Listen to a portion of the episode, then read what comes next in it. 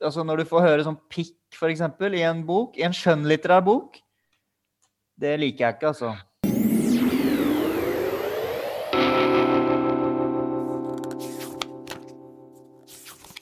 Ok, kjære lyttere, kjære bokvenner, kjære medborgere og medmennesker. Velkommen til denne episoden av Bladpodden. Det skal handle om erotikk og kåthet og glede, som eh, det het før.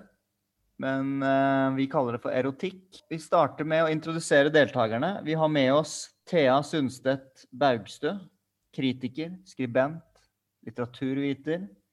Vi har med oss Eirik Røkkum, skribent i blad, litteraturviter. Og vi har med oss Eirin Andresen Betten, journalist, lektor og Tupperware-selger. Så velkommen til dere. Jo, takk. Takk skal du ha. Hva leser dere for tiden, da? Kanskje Thea vil starte? Jeg vil gjerne starte. Eh, jeg leser nå eh, Bram Stokers 'Dracula'. Åh, Den har jeg aldri lest før, eh, men eh, gjør det nå og koser meg så mye mer enn jeg trodde jeg skulle gjøre. Eh, og det var jo ikke helt meningen, men det passer jo også veldig bra med dagens samtale om erotikk. er det bra Den er- sexscener der? Det er ikke en eneste sexscene, men den er så seksuell at jeg vet ikke hva jeg skal gjøre av meg. Og det er så mye, og det er på en måte det, er det åpenbare, det at liksom utvekslingen av kroppsvæsker. Men det er også hele den altså fordervelsen eh, og det forfallet eh, som skjer da i den når man blir liksom forhekset av Dracula eller blir som er så eh, så erotisk. Overraskende erotisk. Jeg skjønner hvorfor det er så mye sexy vampyr. Er, er, er fordervelsen erotisk? Ja, selvfølgelig. Er ikke dere enig i det? Jeg vet ikke om jeg har tenkt så mye over det. Ikke, ikke, ikke den boka. Ikke den boka. Fordervelsen, nei. Det kommer vel an på hvordan, eh, hvilken kontekst. Det er veldig opplagt for deg, Thea, men eh, for meg var det ikke så opplagt. Hva med deg, Eirik? Jeg tenker om hun eh, snille dama i Dracula er jo veldig kysk og from og Ah, blir frista av den der eh, baronen som kommer sørfra. ned, liksom litt nedrig? Eller bli er, de blir jo omvendt, disse unge kvinnene. besudlet? Ja. De er utrolig eh, vakre, unge, gode, uskyldsrene på alle måter. Og så, når de da blir eh, bitt av Dracula, det refereres hele tiden til som et kyss, eh, som også de blir forhekset inn i en slags transe, hvor de også ønsker seg det kysset når de er i den transen, så blir de jo gradvis eh, altså, mer og mer umenneskelige og mer og mer forheksende Ja. eh, blir urene, blir Altså det er jo en sånn klassisk sånn hore madonna-flipp som skjer. Mm. Ja, det er Er Skjønte jeg ikke en litt sånn bedre. orgiescene i slottet til Dracula?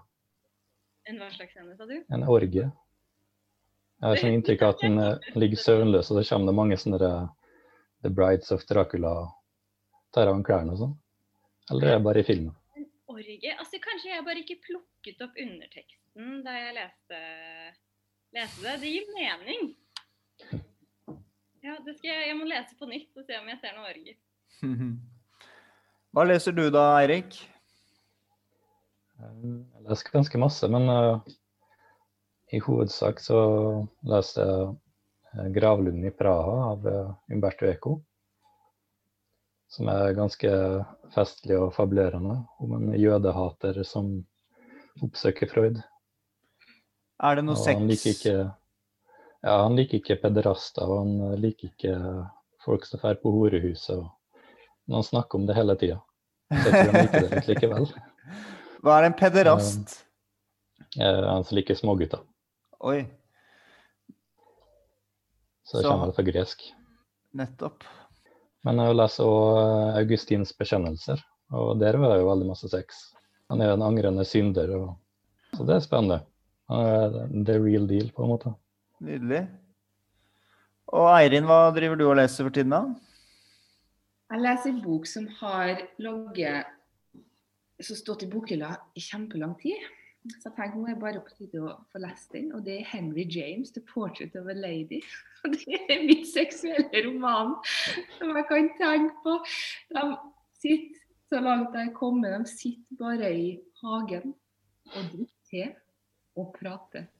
Og okay. prater om, og prater om eh, eh, også hun, hun Isabel, er ja, Isabel, hun, skal, jo- hun arver jo Ikke kommet så langt ennå, da, men jeg vet jo litt hva det handler om. Men hun kommer til å arve litt penger fra en onkel.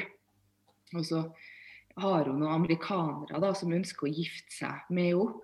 Men hun er jo en så selvstendig kvinne, så hun har, vil jo ikke gifte seg med de her beilerne. Mm. Så hun, hun kommer til å dra til Italia, da, og det kommer til å gjøre de dårlige valg. Det er, det det handler om. Det er veldig viktoriansk og flott. eh, Og det er, det er korsetter og det er store kjoler. og de sitter, Det er den, den øvre middelklasse, og de sitter bare ute i, de sitter i hagen og drikker te. Og det er det de gjør. Det er, det er flott, hele greia. Mm. Men var det noe sex der? Nei, det er ikke noe sex. Nei, nei, nei. Lufting av noe skjørt. OK. ok. Ikke så langt. Så ikke så. Det kan hende at det kanskje skjer noe i Italia. Men det høres ut som det er erotikk, erotikk der, da. Ja, men jeg, det, føler at det her er litt At Ian Foster har lest dem her før han skrev uh, 'Room with a View' eller 'Passage to India'. altså at Han har uh, lest sin Henry James da, og Ian Foster Det er jo ikke så masse sex der heller. Den eneste romanen han har som er delvis seksuell, er jo 'Maurice'. og den skrev han vel i 1913 eller noe sånt, og så ble den jo ikke utgitt rett, Han ble utgitt før, rett etter han døde på 70-tallet. For det er jo den, den en av de første romanene med, med homofile hovedpersoner der det faktisk ender godt. Fordi at Ian Foster ville jo skrive en roman om homofile der det ikke var ulykkelig kjærlighet og tvungen, tvungen ekteskap med, med partnere han ikke var interessert. Men den kom jo ikke ut før eh, ja, midten på 1970-tallet, et par år etter at han døde. Men, eh, men han bærer jo åpenbart en del av eh, Det er noe arv da, fra Henry James der det er veldig, det er veldig um, tekkelig. Ja. Jeg tror, jeg tror nå litt på Eros, da, som ligger Ikke nødvendigvis er så eksplisitt. Den tedrikkingen syns jeg hørtes ganske sublimerende ut. Å ja. Thea, Thea drikker te mens vi sitter her. Nei, med min eh, sublimerende kopp te. ja, ja. ja Og du jeg, Jonas, hva leser du? jeg leser eh, Fifty Shades of Grey. Og eh, der er det masse sex, selvfølgelig. Og er det? Masse. Ja. Så um, den er jo Jeg leste også en bok som heter eh, noe som The Bestseller Code. Og det som gjør Fifty Shades of Grey til en bestselger, det er ikke sexscene. Sexbøker blir veldig sjelden bestselgere. Det som gjør det til en bestselger, er faktisk det som kalles for verdivendinger i plottet. Altså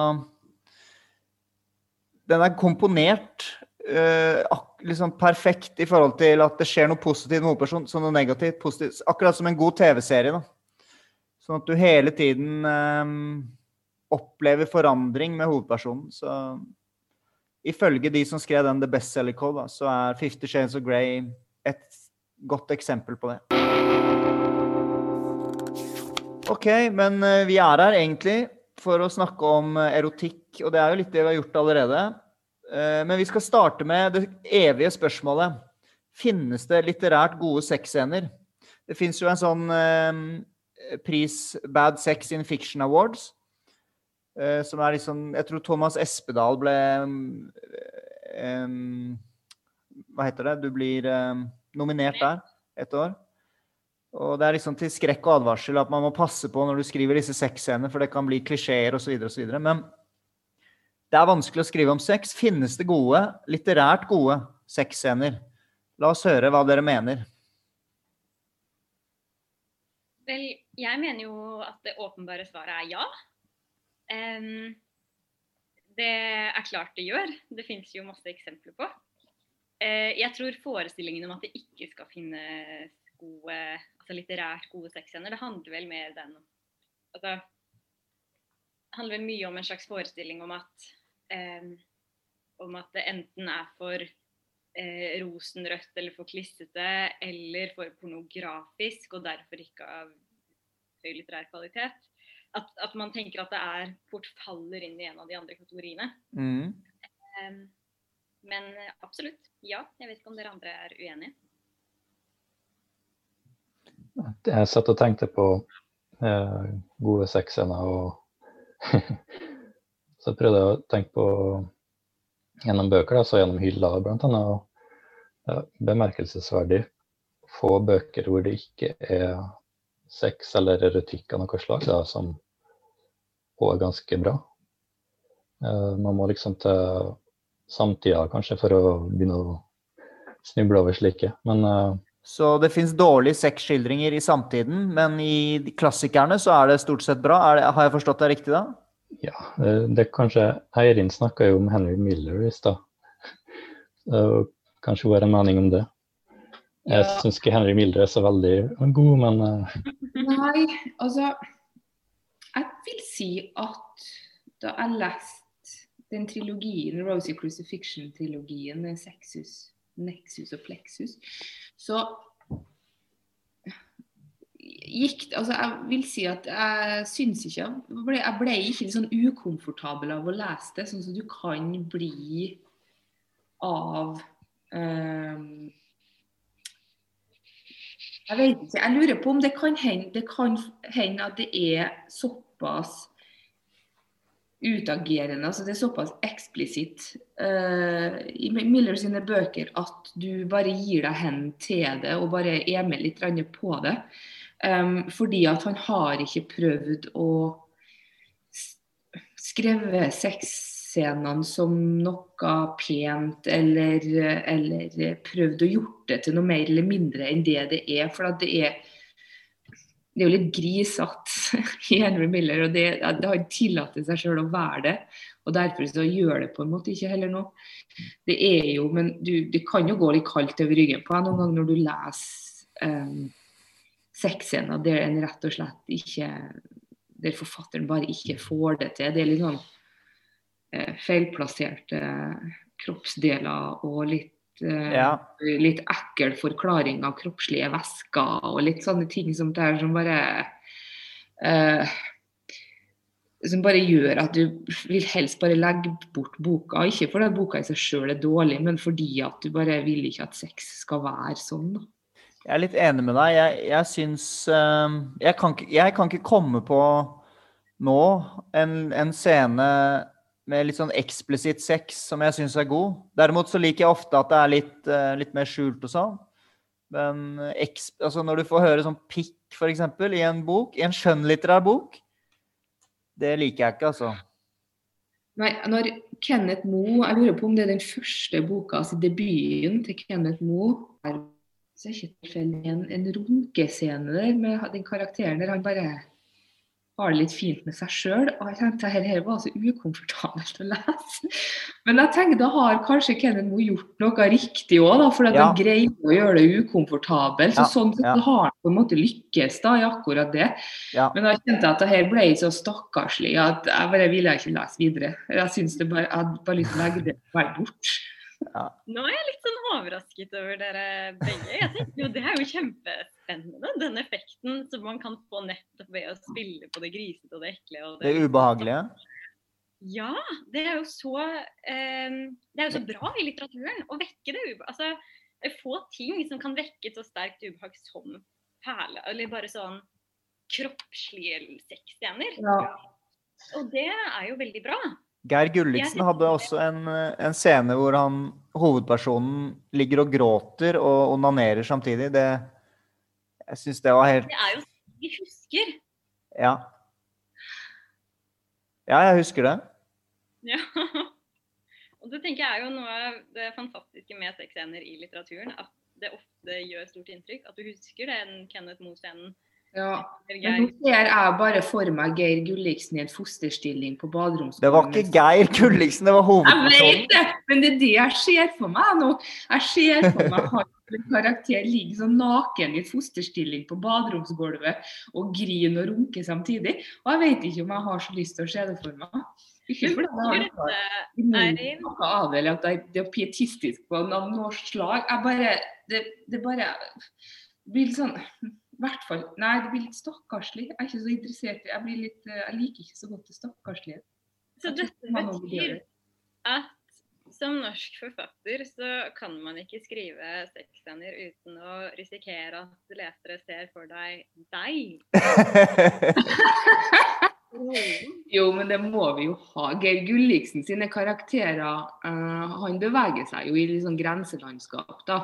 Men nå, var, nå bare spilte jeg jo videre på den scenen som Jonas satt i hodet mitt. Nå har jo ikke jeg lest akkurat den boka der, så eh, eh, nå Men kan vi, ikke, kan vi ikke avsløre at du kommer med bok, Eirin, nå snart? Jo, det kan vi avsløre. Er det noen sexscener der? I boken din? Eh, ja og nei, faktisk. Det, legger, det, og det indikeres veldig tydelig at det skjer. Men jeg har ikke, det går ikke i noen form for detalj. Nei. Det går ikke noe inn, i- noe inn, inn i den, den delen i den scenen. Og det er fordi at det, det ville sånn helhetlig i den boka blitt litt um, um, blitt litt rart. Ja. Det den er jo ikke den er jo, Det er en tredjepersons forteller, så det Ikke at det spiller noen rolle, egentlig, men, men det er et veldig utenifra og inn-blikk. Så, og, så det ville ha vært eh, Hvis jeg hadde gått litt sånn inn i detalj der, så ville det blitt litt spesielt. Jeg vil si at det er blitt satt litt på sida av boka som helhet. Men eh, hva med Har dere noen sånne favorittsexscener dere kan dele? Fra litteraturen? Eirik, har du noe? Jeg har tenkt litt eh, generelt òg. Jeg nevnte jo klassikere i stad, eh, kontra samtida. Jeg tror litt det er eh, samtida er litt sånn eh, burlesk litteratur. Da. Litteratur som tar det helt ut. og tenker Romantradisjonen starta med Satyricon, som er en sånn ja, et par gutter på tur, holdt jeg på å si. Som er fer rundt og har sex og drikker, liksom. Og hvis du følger litteraturhistoria videre, så går det til Rabelais og Henry Fielding og Tristram Shandy og sånn. Det er bare høyder hele veien. Ja. Bare grovheter og Så hva, Men, eh, hvor- hvor gikk det feil da i samtidslitteraturen? Er det, det er jo en litt Når man tenker på ordet samtidslitteratur, så tenker man jo på Ikke på det burleske. Kan den det myten om at det fins få gode sexscener handler om fallhøyden, rett og slett. At det er så lett å dumme seg ut og gjøre seg vondt når det, man gjør det. Ja. Uh, For eksempel den prisen. da. Mm. Mm. Mm. Det er liksom artig, artig at Thomas Espedal har skrevet en dårlig sexscene, og da skal man henge den ut, liksom. Mm, mm. Kanskje til og med på en bladpod hvor man blir beskyldt for å ha runket og grått samtidig. Det er beskyldt.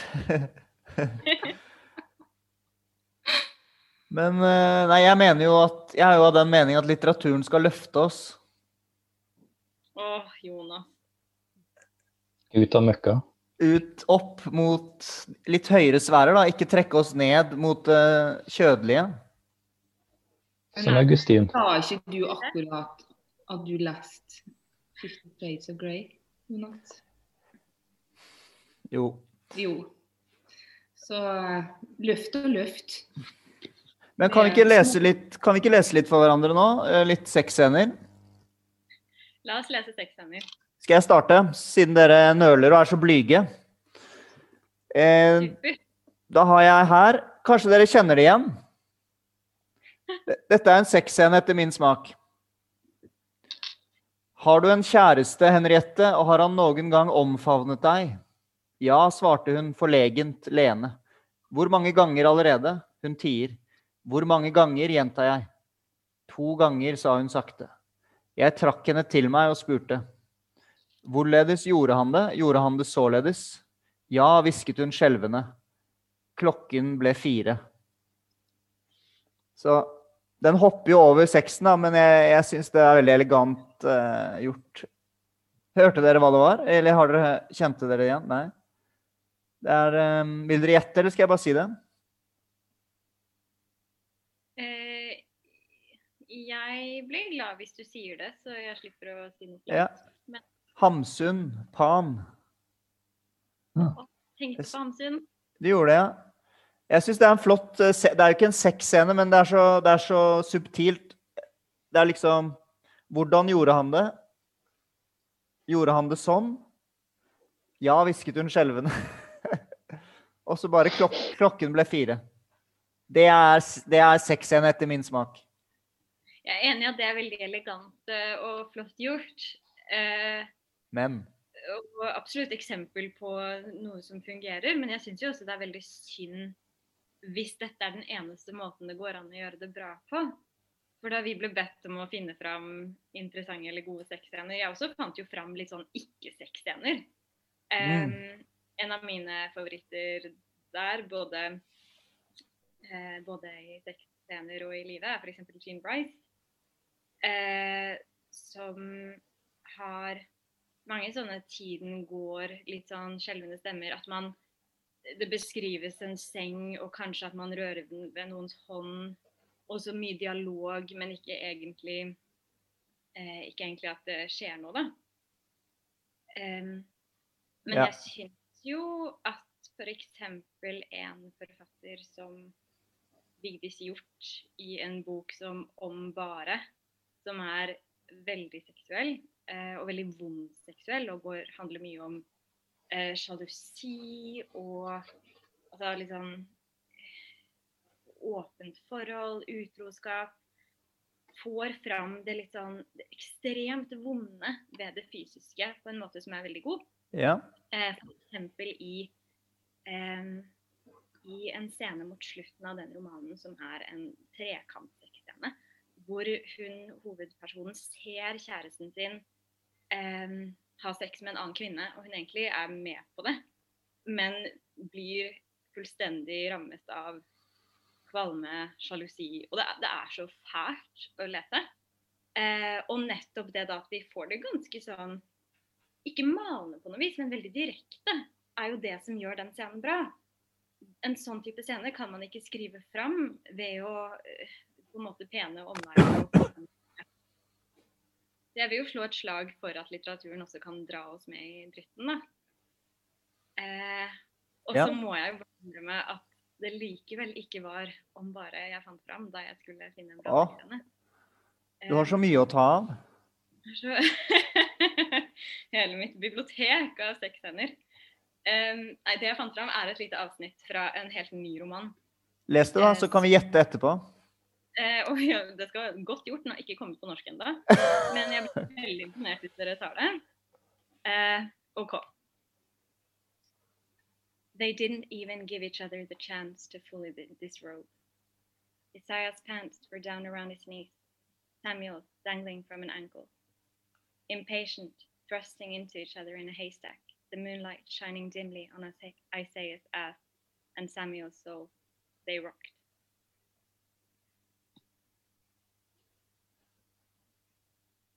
Yes. Hva er det du liker med det, da? Ja, den valgte jeg fordi jeg syns den er veldig romantisk. Og veldig fin. Og den er egentlig Jeg tenker den er et eksempel på at sexscener verken trenger å være pornografiske, ekstremt blomstrende eller litt sånn dra oss ned i dritten. Og at de heller ikke trenger å finne omveier. Dette er jo på en måte direkte. Men det er også bare Jeg syns også bare det er vakkert og fint. Mm. Kult. Jeg aner ikke hvilken forfatter det var. Jeg tenkte litt på hun E.L. James, men uh, hvem var det? uh, dette er en uh, amerikansk debutant, Robert Jones jr. Eh, okay. romanen heter 'The Prophets', har akkurat kommet og handler om to eh, mannlige slaver på en plantasje i Mississippi. Oi, herregud. Dette høres ut som en sensasjonsroman. Er det, er det slik? Sensasjonsroman har jo veldig negativt fortegn. Nei, nei, ikke min uh, bok. Jeg er jo opptatt av bestselger og sånn. Jeg Um, tror den kommer til å selge bra, eller sikkert har gjort det allerede. Og jeg tror den kommer til å vinne om priser. Det det høres sånn ut. Nice. Takk for tipset. OK, Eirik, har du, har du noe å lese for oss? Ja, men jeg er litt sånn skuffa over meg sjøl, for at det blir litt mer uh, i din stil, Jonas, uh, enn en ikke-scene. Men uh, Ja, men, men det, må ikke vi kjøpe det, retor, den litt sånn spekulative retorikken til Thea uten videre her? Men i Eh, hvert fall fra, fra den dype litteraturhistorien til da, det er Lawrence Stern. Og fra en følsom reise gjennom Frankrike og Italia. Og det er siste eh, sida i boka, så hvis man er opptatt av spoilers, så det er, det er ikke så stor avsløring, det er bare litt morsomt. Men da er vår helt og hans hjerteskjær på soverommet. Men de har ikke gifta seg. Damen ville absolutt ikke gi etter, selv om hun svekket sin stilling, for i disputens sete kunne jeg høre to eller tre festenåler løsne fra forhenget og falle på gulvet. På mitt ord og min ære, madame, sa jeg og strakte ut armen for å bedyre mine ord. Jeg skulle akkurat tilføye at jeg ikke for alt i verden ville forsyndet meg mot den fjerneste idé om anstendighet. Men kammerpiken, som hadde hørt oss snakke sammen, som fryktet at det ville utvikle seg til fiendtligheter, hadde uten en lyd sneket seg ut av sitt kammer, og ettersom det var aldeles mørkt, hadde hun helt ubemerket kommet så nær våre senger at hun befant seg i den smale passasjen som skilte dem fra hverandre, og hadde nådd så langt inn i den at hun sto rett mellom sin frue og meg. Så da jeg strakte ut armen, fikk jeg fatt i kammerpikens prikk, prikk, prikk. Da er slutten på den romanen en stor cliffhanger. Og er det sånn, slutter det med den ellipsen? ja, Wow. det syns jeg var veldig artig da jeg leste for ti år siden. Det er jo virkelig sånn skjermen blir svart. Nå skal vi ikke få se hva som skjer. og hustruen var med også? Ja, det var, det var liksom sånn eh, Romeo og Julie med en eh, pen pike og han sin kammertjener. Mm. Så kammertjeneren kom i veien og fikk meg ble befølt, sier det første. Mm. OK, Eirin, da er det deg til slutt her.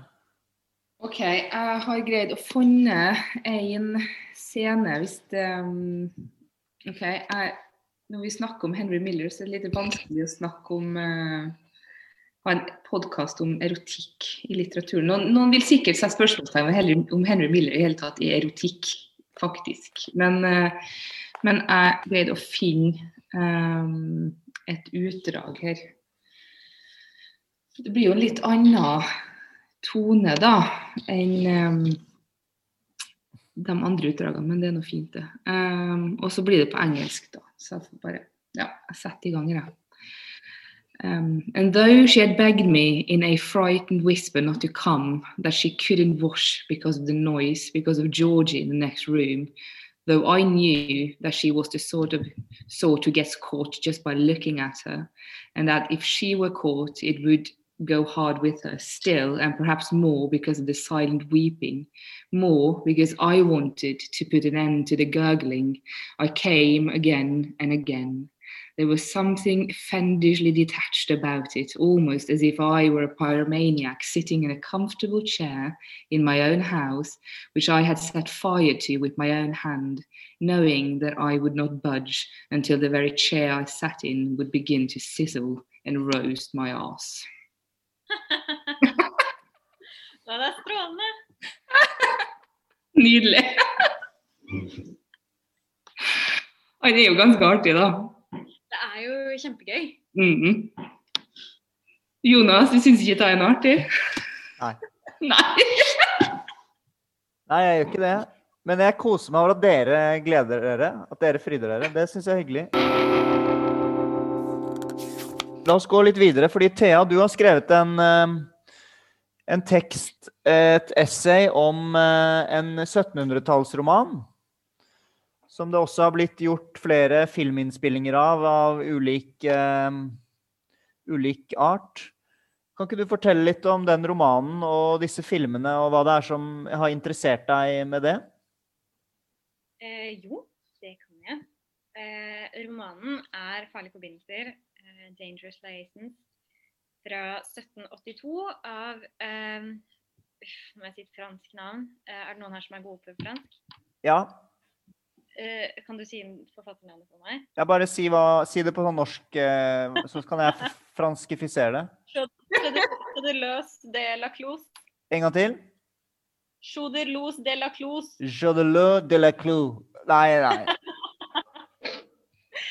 Eh, takk, nå reddet du meg ut av en fryktelig pinlig knipe. Ja, men la deg merke til at jeg klarte ikke å stå i det selv. Jeg trakk meg med en gang. Jeg sa nei etterpå. Ja, jeg hørte det. Jeg klarte ikke å, å være i det franske. Men det Nei, får bare være. Det å være i det franske, som jeg erfarte da jeg leste denne romanen. Ja. Um, det er jo en klassiker innen um, opplysningstidens litteratur. Det er en, eh, var en veldig skandaløs roman da den kom. Eh, på mange måter en roman som eh, avslører mye av det som foregikk innen den eh, franske adelen. Eh, mye amoralsk oppførsel, mye intriger, mye sex. Eh, alt under da denne veldig pene fasaden. Eh, og det er jo en historie om egentlig om to mennesker som konspirerer for å forføre, utnytte og egentlig ødelegge alle rundt seg. Um, egentlig bare fordi de har lyst til å ha mye sex uh, med hverandre og med alle andre. Og den filmatiseringen som jeg skriver om i det det er ikke egentlig den filmatiseringen som er mest kjent, men det er da en moderne adopsjon fra 1999 hvor de to medlemmene av den franske avlen er blitt gjort til to tenåringer, stesøsken, eh, på Manhattans Upper East Side. Eh, og det er en ikonisk 90-tallsfilm. Så i det essayet så sammenligner jeg eh, boken og filmen og ser litt på hvilke tendenser er det som går igjen til tross for at Mm. mye har skjedd på 200 år. Ja, jeg, jeg leste teksten din med interesse. Jeg har flere spørsmål til deg. Jeg kan starte, jeg kan starte med ett spørsmål. De er jo stesøsken. Og ja, i filmen, ja. i filmen. Og jeg har lagt merke til i mye porno, pornografi så er det stesøsken som blir fremstilt. Eh, step, eh, stepbrother, eh, stepsister og sånn. Det er bare sånn til sidespor. Hvorfor tror dere det er sånn? At det liksom er noe veldig erotisk over det? I porno og uh, I Stamma Nice Nin, hvor det også er litt sånn Ja? tendenser til incest. Og jeg tror jo strengt tatt ikke at det er nødvendigvis det at det er stesøsken i seg selv som er så veldig opphissende, heller det at det er tabu, at det er forbudt. Ah. Tror ikke, altså, jeg vet ikke hva dere tenker. jeg. Man kan på en måte, Hvis man gjør noe forbudt, så blir det erotisk spennende. Hvis, hvis vi gjør det forbudt å, å pille seg i nesen, f.eks. Altså Med utgangspunkt i filmen, da, i 'Cruel Intention', så vil jeg jo si at det er den Det at de vet at de ikke skal gjøre det. Det er det som gjør det eh, pirrende. Så det er jo det som får konsekvenser på, til slutt òg, ikke sant? Det er fordi at de har latt det, det spillet de spiller mellom hverandre, få lov til å kanskje Altså det går litt for langt, men som, så vet de jo begge to at det er noe én. De skal jo ikke gjøre det her. Eh, men så oppstår det jo en del hendelser der som gjør at utfallet ikke er hva noen av dem faktisk forutså. Da. Eh, men når det kommer til stesøsken og porno, Jonas, så kan du sjøl få lov til å tror jeg, avgjøre den. Altså. Hvorfor det er så interessant. Ja. Ja. Nei, bare- for meg så. Ja, jeg tror det har å gjøre med mm, det familiære, tror jeg. Tror du virkelig det? At det er det at det ikke er nytt og spennende? Men strengt tatt kjent og nært? Hmm. Det blir litt, eh, kanskje det blir litt den kombinasjonen, da. Men eh, la oss gå tilbake til teksten din, Thea. Du skriver noe veldig spennende, at lesing på 1700-tallet eh, utvikler seg, og det blir vanlig å lese alene. Og at det er en slags erotikk i det. Hva, hva, me, hva mener du med det? Eller, altså, det var jo eh, På 1700-tallet så begynte man jo å lese på helt nye måter. Tidligere så hadde det vært veldig vanlig å Altså dette blir jo grove generaliseringer jeg kommer her, da. Eh, men sånn generelt så var det mye vanligere eh, hvis man leste hjemme at det var høytlesning, at det var noe delt i familien, og derfor noe som gikk var mulig å opprettholde som altså Man kunne gjøre det ved å opprettholde fasaden. Ofte leser man jo religiøse tekster. Eh, men med romanen, som går jo nettopp inn i det private, eh, og kan også gå inn i det erotiske, eh, så begynte man også å lese eh, mer alene i det Mm. private. Alene. Man begynte å lese på sengen. Og det var veldig kontroversielt å lese på sengen. Eh, det ble advart mot av veldig mange, det skulle man egentlig ikke gjøre. Men den utviklingen skjedde likevel, at det å ha liksom bøker på soverommet, det var noe Ja. man begynte med. Og det var jo også fordi stadig flere nå kunne lære seg å lese. Det var ikke bare én person i familien, en mann eller en prest, som var i stand til å lese. Nå kunne, ble det faktisk mulig. Um, og det at det også var flere kvinner som lærte seg å lese. Kvinner er jo, som vi vet, eh, syndige og erotiske vesener. Eh, så når også da det der at kvinner kunne gå inn i det private, alene gå inn i et sånt rom Ah, det var farlig. Det er jo farlig. Det er jo sprengstoff i det. Mm, miste kontrollen på kvinnene. Ja. Ja, men det, det gir mening, det. Og det var vel slik at man gjerne leste høyt også før i tiden. Så dette å lese inni seg ble også litt sånn uhørt. Jo, det er ingen trenger å, ingen trenger å høre hva du leser. Ingen vet hva du leser. Du kan jo sitte på T-banen og lese Fifty Shades of Grey. Du kan bare ha en avis eh, foran den, det Ja. oppslaget, og så kan du sitte der og være inni en svært så erotisk og seksuell verden, og ingen andre trenger å ta del i det. Mm. Og det er jo eh, Altså, lesing er jo på mange måter erotisk. Ja. Lese på sengen. Og leser du på sengen, Eirik? Jo, var det Augustin, da? Du leser Augustin på sengen? Jeg har gjort det de siste par dagene. Ja. Og det er jo eh, nesten det motsatte igjen, og samtidig ikke. Fordi det er jo nesten noe sånn Nå er det mange mange år siden jeg har lest Augustin, og jeg har på ingen måte lest alt. Men det er jo også en sånn eh, Det er en sånn inderlighet da, i det som skjer der. Som også Det er jo også på en måte høyst privat. Jeg virker som en sånn kjærlighetserklæring til Gud, på en måte. Mm. Um, Men apropos eh, stesøsken, så snakker jo han om eh, eh, gleden ved å spise forbudt frukt. Det klassiske. ja, han går går gjør det på forbudte bare fordi det er forbudt. Ja. Han stjeler en pære. Ja. Så pæren er en slags Masse step, andre ting, men Ja. Og så mitt siste spørsmål, Thea. Du skriver at mannen har en mulighet til å bli forandret av kjærligheten. Den syndige mannen forandres av den dydige kvinnens kjærlighet. Men en slik mulighet finnes ikke for kvinnen. Ja, i hvert fall ikke i farlige forbindelser. Eller i cruel intentions. Um, det er altså den fremstillingen av kvinnelig seksualitet i den historien, både i 1999-filmatiseringen og, og altså romanen fra 1792, er eh, forunderlig lik. Det er da altså Det er sånn erketyper av kvinner. Det er en kvinne som er eh, Det er hun, det er stesøsteren, Sarah Michelle Gellar. Eh, eh, Madame de Martu- Martuil, noe sånt. som Eh, som er da utspekulert. Hun vil forlyste seg med så mange som mulig, men hun må opprettholde fasaden. Så er, altså hun skjuler da sin urenhet bak en veldig sånn dydig fasade. Men hun er virkelig altså hun er virkelig fæl, da, skal vi forstå.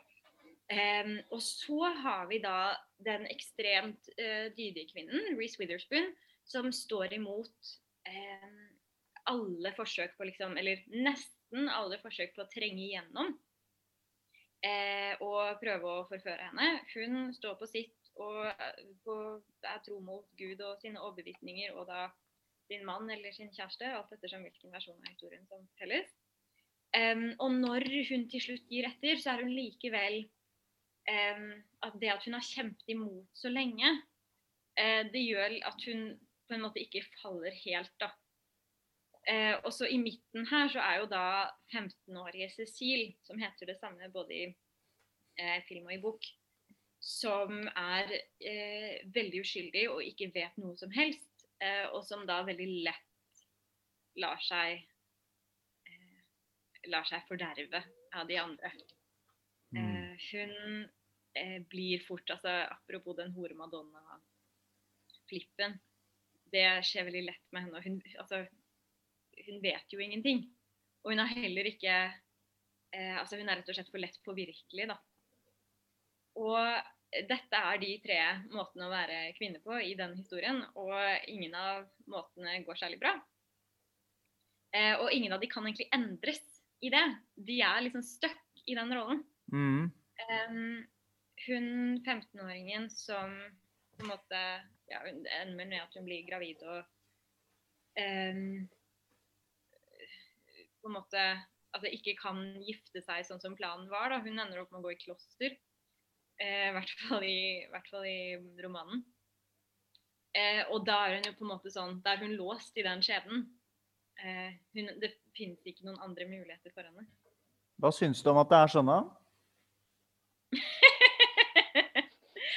Nei, så høres det ut som jeg er veldig fan av uh, det begrensede handlingsrommet, Jonas. Syns du det? Nei, nei, tvert imot. Jeg vil bare høre, få deg til å sette ord på det. Um, jeg syns det er interessant da, at vi ser det. Men det er jo sånn Dette er jo klassisk i Altså dette er jo historier som går igjen og igjen og igjen i litteraturhistorien.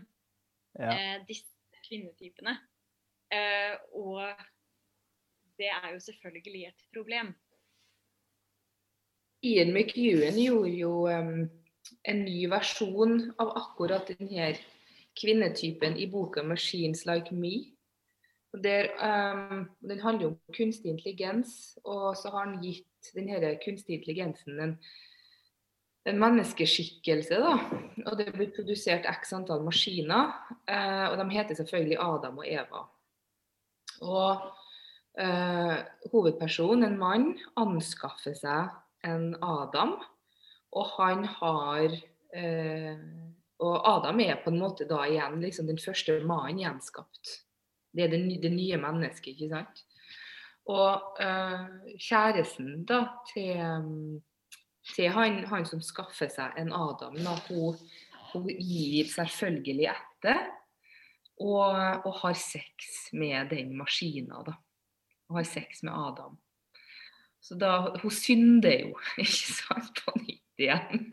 Så det, det er sånn, hun, hun, og det kan jo på en måte si at, at mannen er, kanskje det, det eplet her. Da. Du skal på en måte ikke Det blir litt, eh, litt krysninger her. Um, men, men, igjen, vi blir jo ikke kvitt, kvitt de stereotypiene. Det, jo, det kunne jo vært mannen som har selvfølgelig gått over streken da, her, og ja. logge med den Eva-maskina, men det er det ikke. da, Det er kvinnen som synder, og kvinnen som, som gir etter da, for, for, følelser. Og for, for hun oppdager at når noen hører henne, når noen snakker med henne, når noen forstår henne, så blir det et sånt et begjær da, å ender opp med å ligge med denne maskinen.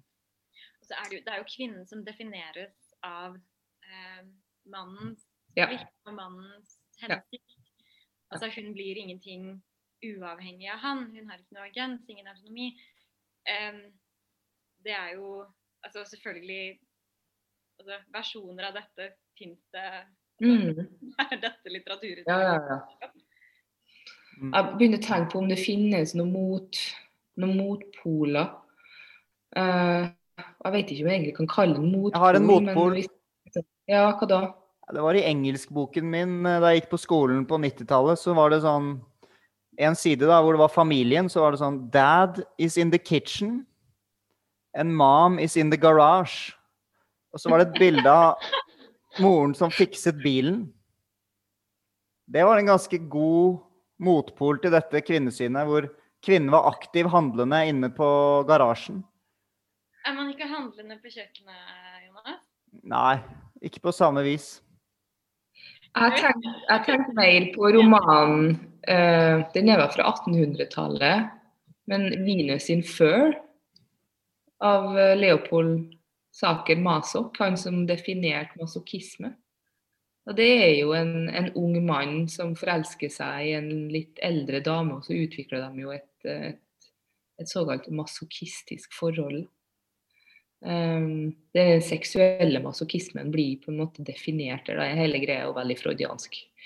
Så, eh, men en veldig, en veldig interessant roman, og det er blitt gjort et, um, et teaterstykke et teaterstykke òg av den, den romanen, da. men da er det litt eh,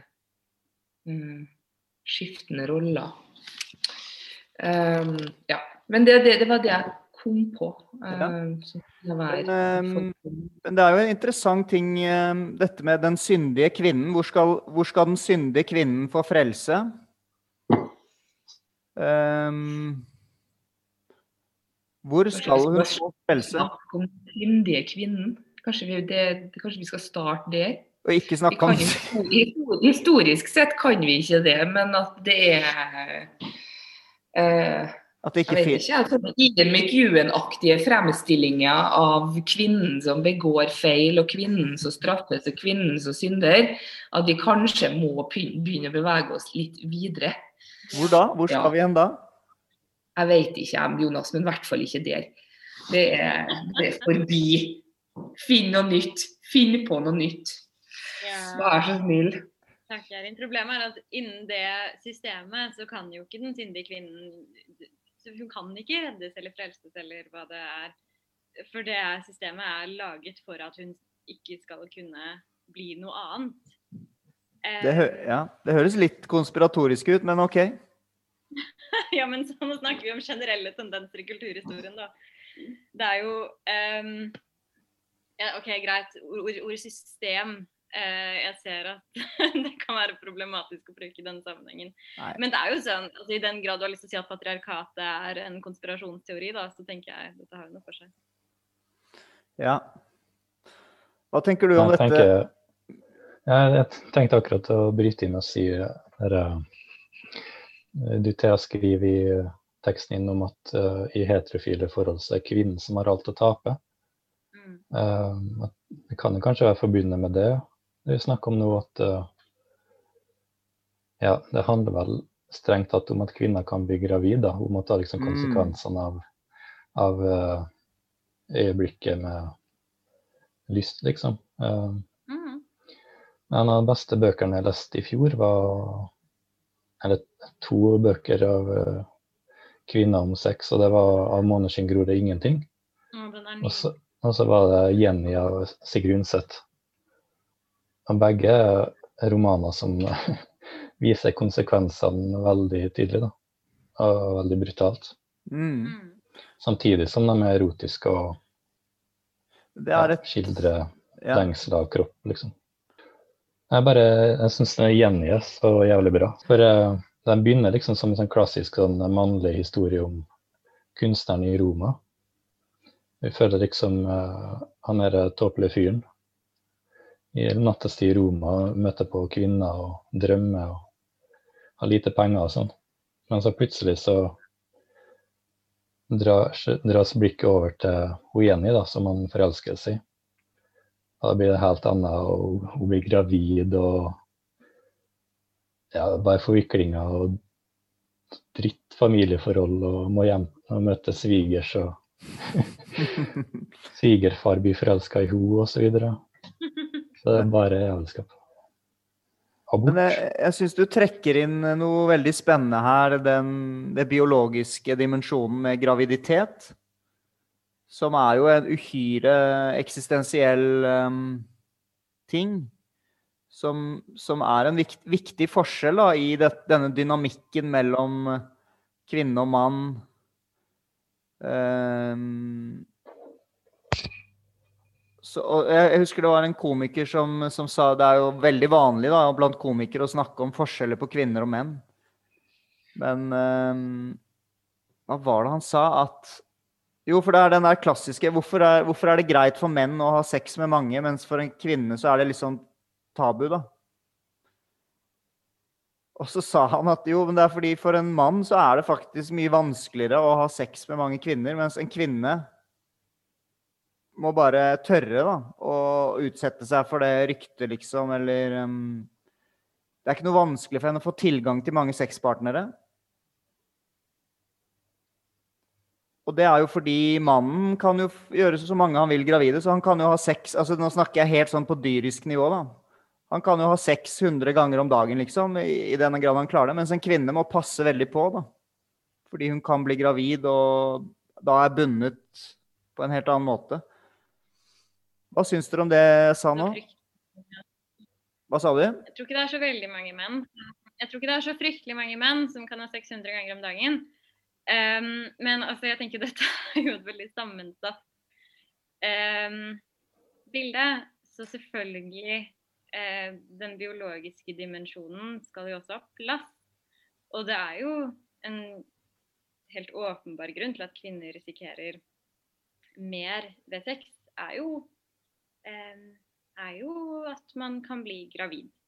Men det er jo også interessant at dette har jo ikke sluppet taket. Altså, noe av det fantastiske med 70-tallet, da p-pillen kom og seksualitet ble friere, disse forestillingene våre sitter så dypt i kulturen om hva en kvinne som har mye sex er, at selv om man ikke risikerer å bli gravid eh, nå med prevensjon på samme måte som for 100 år siden, så risikerer man fortsatt mer i dag som kvinne.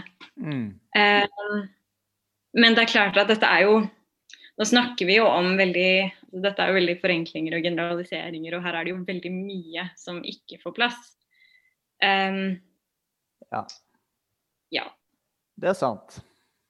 Mm, mm. Må spesifisere. Ditt poeng Jonas, er vel kanskje hvor lett at alle menn bare sender dickpics rundt omkring og prøver å få napp, liksom. De kan gjøre det, holdt jeg på å si. Det skjønte jeg. det de gjør, iallfall en del. Ja, ja. ja, kanskje det var det som var poenget mitt, egentlig. Men ok, dere. Jeg syns vi har snakket lenge og vel nå. Kan ikke vi avslutte nå med deres favorittcrush i litteratur, verdenslitteraturen? Det trenger ikke å være en person dere har lyst til å ligge med. Fordi vi trenger ikke å, å være så private her. Men det kan være en karakter dere finner stimulerende, også på erotisk vis. Men på en Ja. Trenger ikke å bety at du har lyst til å utføre oralsex på vedkommende eller noe sånt, men bare litt sånn Litt tiltrekning. Skal vi prøve det? Yes. OK. Hvem har lyst til å Jeg, starter. Eh, jeg starter, men jeg må jo bare innrømme at jeg har ikke crushet noe særlig på noen i litteraturen siden altså på kanskje ti år. Dette gikk, ny, dette gikk opp for meg da du spurte sånn tidligere eh, altså For et par dager siden så nevnte du at du skulle stille oss dette spørsmålet. Og jeg begynte å tenke, og jeg gikk gjennom bøker jeg har lest. Jeg har, har en liten bok, skriver ned alle bøker jeg leser. Og jeg kunne ikke komme Altså, jeg fant ikke en eneste crush før jeg var Og det er fordi jeg nå leser Unnskyld, kan du gjenta det? færre bøker. Thea? eh, jeg mistet deg litt pga. nettet her. Hva med dere andre? Hørte dere alt Thea sa? å ja. mm. Kan du bare ta, ta det en gang til, Thea? Du leste i den boken. I den eh, listen din. Jeg leste i den ja, går tilbake i tid, før jeg fant uh, noe lignet på en crush. Og jeg vet ikke om det er fordi jeg leser færre bøker med karakterer som er skrevet fram for at man skal crushe på dem. Eh, eller om det er fordi jeg er blitt litt voksen og leser med eh, leser med andre sanser, eller med, hvor jeg leter etter andre ting enn noen å forelske meg i i litteraturen. Og i tenårene så var jeg veldig motivert av å være litt forelska i karakterene jeg leste om. Oi. Og da husker jeg, og da var jeg um, Og da var det både de litt sånn åpenbare, sånn Mr. Jar Darcy i um, Pride and Prejudice, selvfølgelig. Og de litt sånn som jeg i dag tenker i alle dager, sånn Mr. Rochester i Jane Eyre. Ehm, og, men selv, selv, og dette er sånn mye klassisk litteratur da, som jeg eh, husker jeg var veldig betatt av. Selv en karakter som Raskolnikov i eh, for, og straff' han beskrives som veldig vakker. Eh, store blå øyne. Jeg hang meg så opp i det. At å, han var så pen. Og liksom all den derre All den um, Alle disse tankene, da. Og alt det fæle han gjør. Det ble liksom litt hot fordi han også var pen. Eh, men dette er lenge siden. Jeg har ikke crush i litteratur lenger. Det er fair. Det er fair. Mm. Kult. Men du Ja, men fikk det- jo nevnt noen tidligere, delt noen tidligere crusher, da. Det var, satte vi pris på. Ja. Vær så god. Ja. Eirin og Eirik, har dere noe? Jeg, jeg kan eh, det, altså, jeg, jeg må innrømme det er akkurat det samme som Thea. Jeg har prøvd å tenke. Og, så, og det har aldri, jeg har egentlig aldri tenkt over før, men jeg har greie ikke Jeg har vært fascinert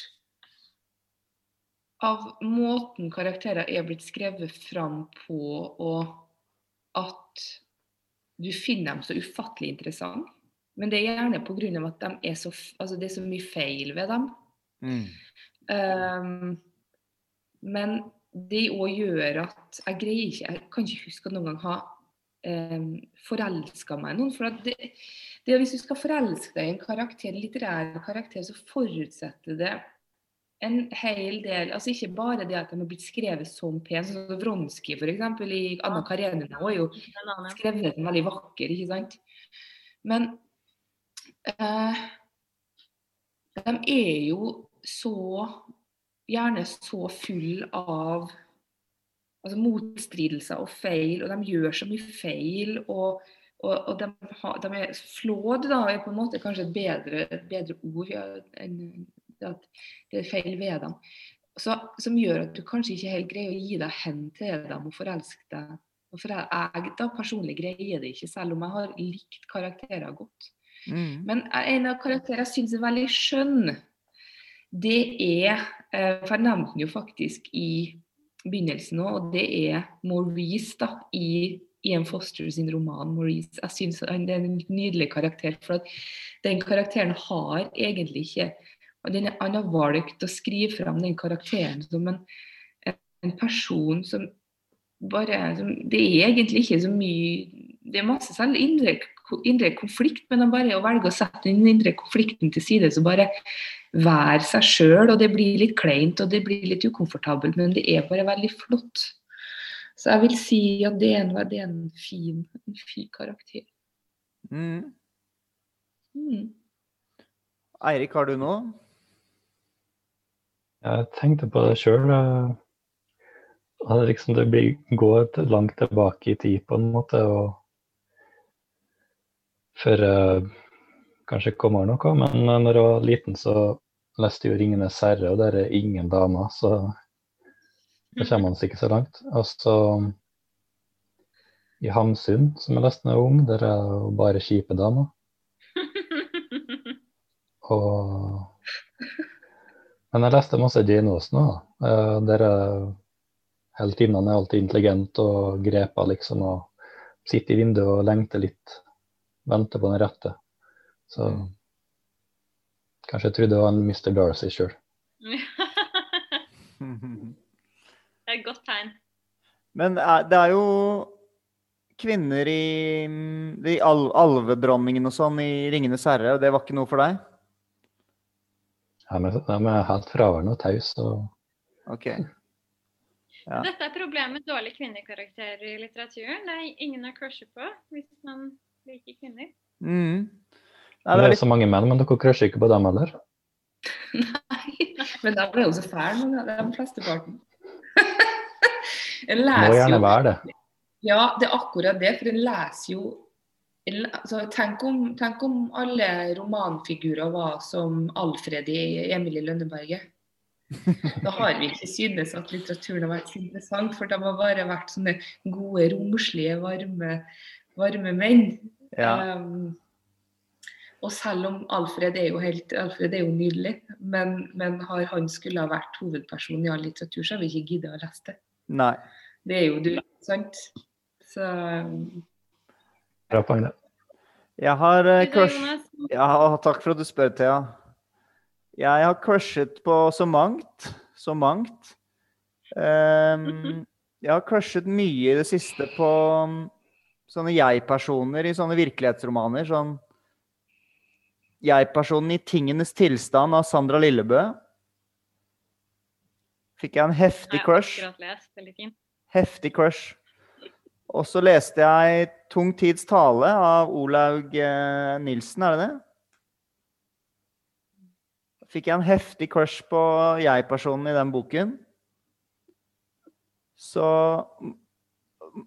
Det er noe med omsorgen, tror jeg, som jeg setter veldig pris på. De, de har en sånn selvutslettende omsorg, samtidig som de har en uh, veldig ambivalens i den omsorgen. Det crusher jeg veldig på. Så jeg um, en utslettende omsorg. Her var det mye å ta tak i, Jonas. Hvorfor tar alle seg til tinningen og masserer tinningen nå på et Zoom-møte? Jeg tror, selvutslettende jeg tror det var det som gjorde det. Hva da? Selvutslettende omsorg. Du crusher på damer som er skrevet fram fordi at deres primære karakteristikk er en selvutslettende omsorg. Jonas. Jeg har aldri tenkt på det på den måten før du sa det nå. Det er jo ikke bra. Nei. Nei. Nei, det er ikke bra. Du må svare sånn som meg, at du liker dem intelligente. Ja, takk. Men da, det skal jeg huske til neste episode av eh, Bladpodden. Um, men takk for praten, dere, og god lesning i sengen i kveld.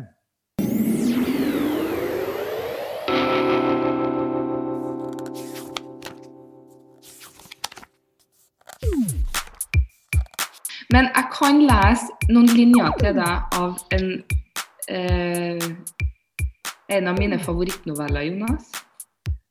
Som, en, eh, som heter 'Spring in Fielta' av Vladimir Nabokov. Og Det er bare noen linjer, men jeg tror kanskje at det eh, er noe som vil Falle i smak. kanskje vil like. Vent litt. Er kjempebra. Den, eh, den novella, ja. Ja. Den er fantastisk.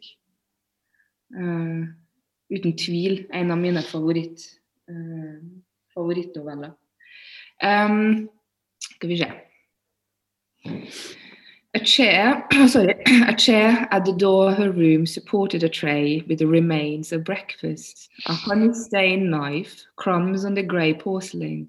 But the room had already been done, and because of a sudden draught, a wave of muslin embroidered with white dahlias got sucked in, with a shudder and a knock between the responsive halves of the French window, and only when the door had been locked did they let go of that curtain, with something like a blissful sigh. And a little later, I stepped out onto the diminutive cast iron balcony beyond to inhale a combined smell, smell of dry maple leaves and gasoline. Ja, Det det gikk, sånn det, det gikk langt over hodet mitt. Så gasolin Det luktet gasolin til slutt. lukter bensin. Ja, det var Bensin. kanskje ikke bensin da, det var snakk om her, da. Men, men eh, du kan eh, Det er en veldig lang novelle, Ja, så du kan, du kan få lese den ro og fred. Gjør det. Det Ja, takk. Veldig, veldig fint. Takk for eh, enda et godt tips. Nå har jeg masse her.